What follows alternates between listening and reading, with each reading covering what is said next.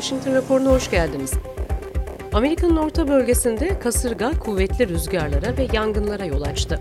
Kentucky'de geçen haftaki ölümcül kasırgaların vurduğu bir mum fabrikasındaki işçiler fırtınadan önce işten ayrılırlarsa kovulacaklarının söylendiğini iddia ederek toplu dava açtılar. Mayfield fabrikasında kasırga 8 kişiyi öldürdüğünde yüzden fazla kişi çalışıyordu.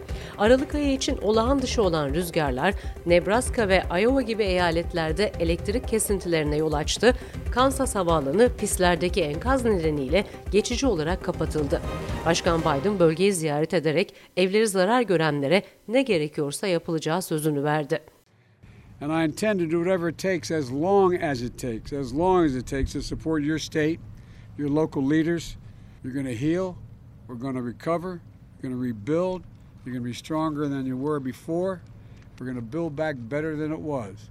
And when I come back, I got one beautiful lady uh, and her husband promised me a meal. She's apparently a hell of a cook. So I'm coming back for the meal.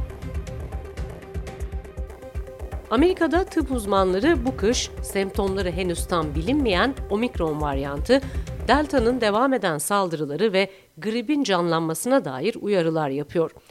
Grip ve Covid vakaları ülke genelinde artarken hastalıkları önleme ve kontrol merkezi 8 Ocağı kadar 837 bin ile 845 bin kişinin ölebileceğini tahmin etti. A reasonable assumption about first that we know for sure that it is highly, highly transmissible. It is the most transmissible virus of COVID that we had to deal with thus far.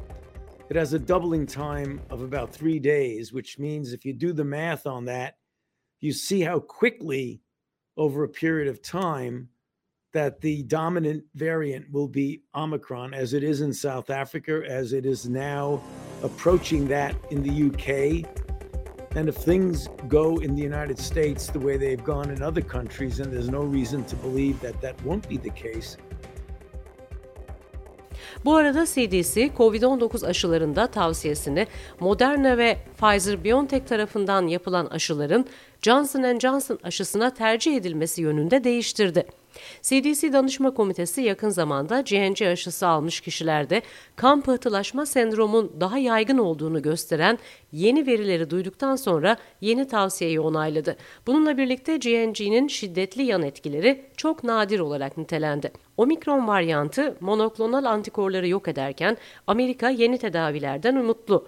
Pfizer'ın COVID'e yönelik deneysel tedavisine ilişkin son sonuçlar yüksek riskli yetişkinlere ilk semptomlardan sonraki birkaç gün içinde verilmesi halinde hastaneye yatış veya ölüm riskini %89 oranında azalttığını gösterdi. Bu arada 20 Aralık pazartesi itibariyle New York'ta dini ve özel okullarda zorunlu aşı uygulaması başlıyor.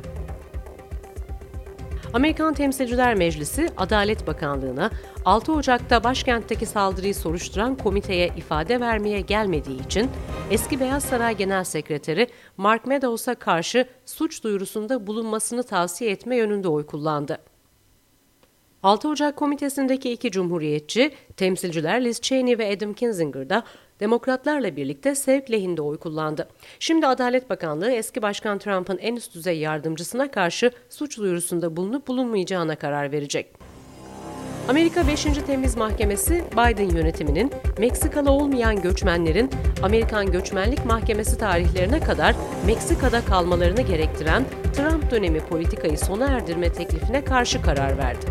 Science dergisinde yayınlanan son araştırmalara göre ise Amerika'ya güney sınırdan yapılan tehlikeli yolculukta birçok göçmen şiddetli fiziksel stres altına giriyor ve çoğu dehidrasyon, susuzluk, organ yetmezliği nedeniyle sıcakta ölüyor. Amerika'da yüksek mahkeme yargıcı Neil Gorsuch, tartışmalı Teksas kürtaj yasasını sonraki adımları belirlemek için muhafazakar bir federal temiz mahkemesine gönderdi. Siber güvenlik araştırmacıları dünyanın dört bir yanındaki gazetecileri, muhalifleri ve politikacıları izlemek için eski Facebook olarak bilinen Meta platformlarında bilgisayar korsanlığı aracı olarak yüzlerce sahte kişinin kullanıldığını iddia ettikleri kiralık gözetim şirketlerinden oluşan geniş bir uluslararası ağ ortaya çıkardı.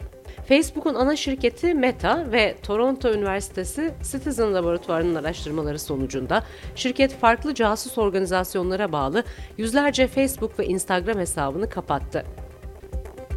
Haziran ayında 98 kişinin ölümüne neden olan Surfside, Miami'deki apartman çöküşünü denetleyen büyük jüri, benzer bir trajediden kaçınmanın yollarını detaylandıran bir rapor yayınladı.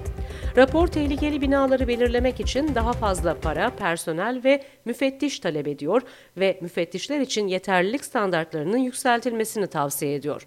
Panel ayrıca konut mülkleri için yeniden sertifikasyon sürecinin konut inşa edildikten 40 yıl sonra değil çok da erken yapılması gerektiğini ifade etti.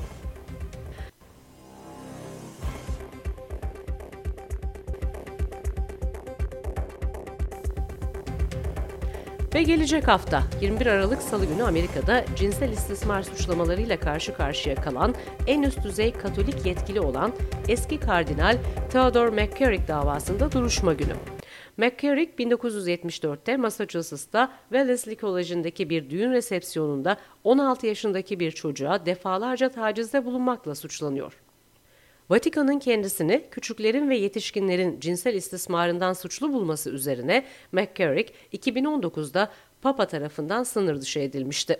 Salı günü Arizona'nın Down sendromu gibi genetik anormalliklerin varlığına dayalı olarak kürtaj yapan doktorların yasaklanması yönündeki talebine karşı çıkanlar için son gün, düzenlemeyi istemeyenlerin yüksek mahkemeye yanıt vermeleri için verilen süre doluyor.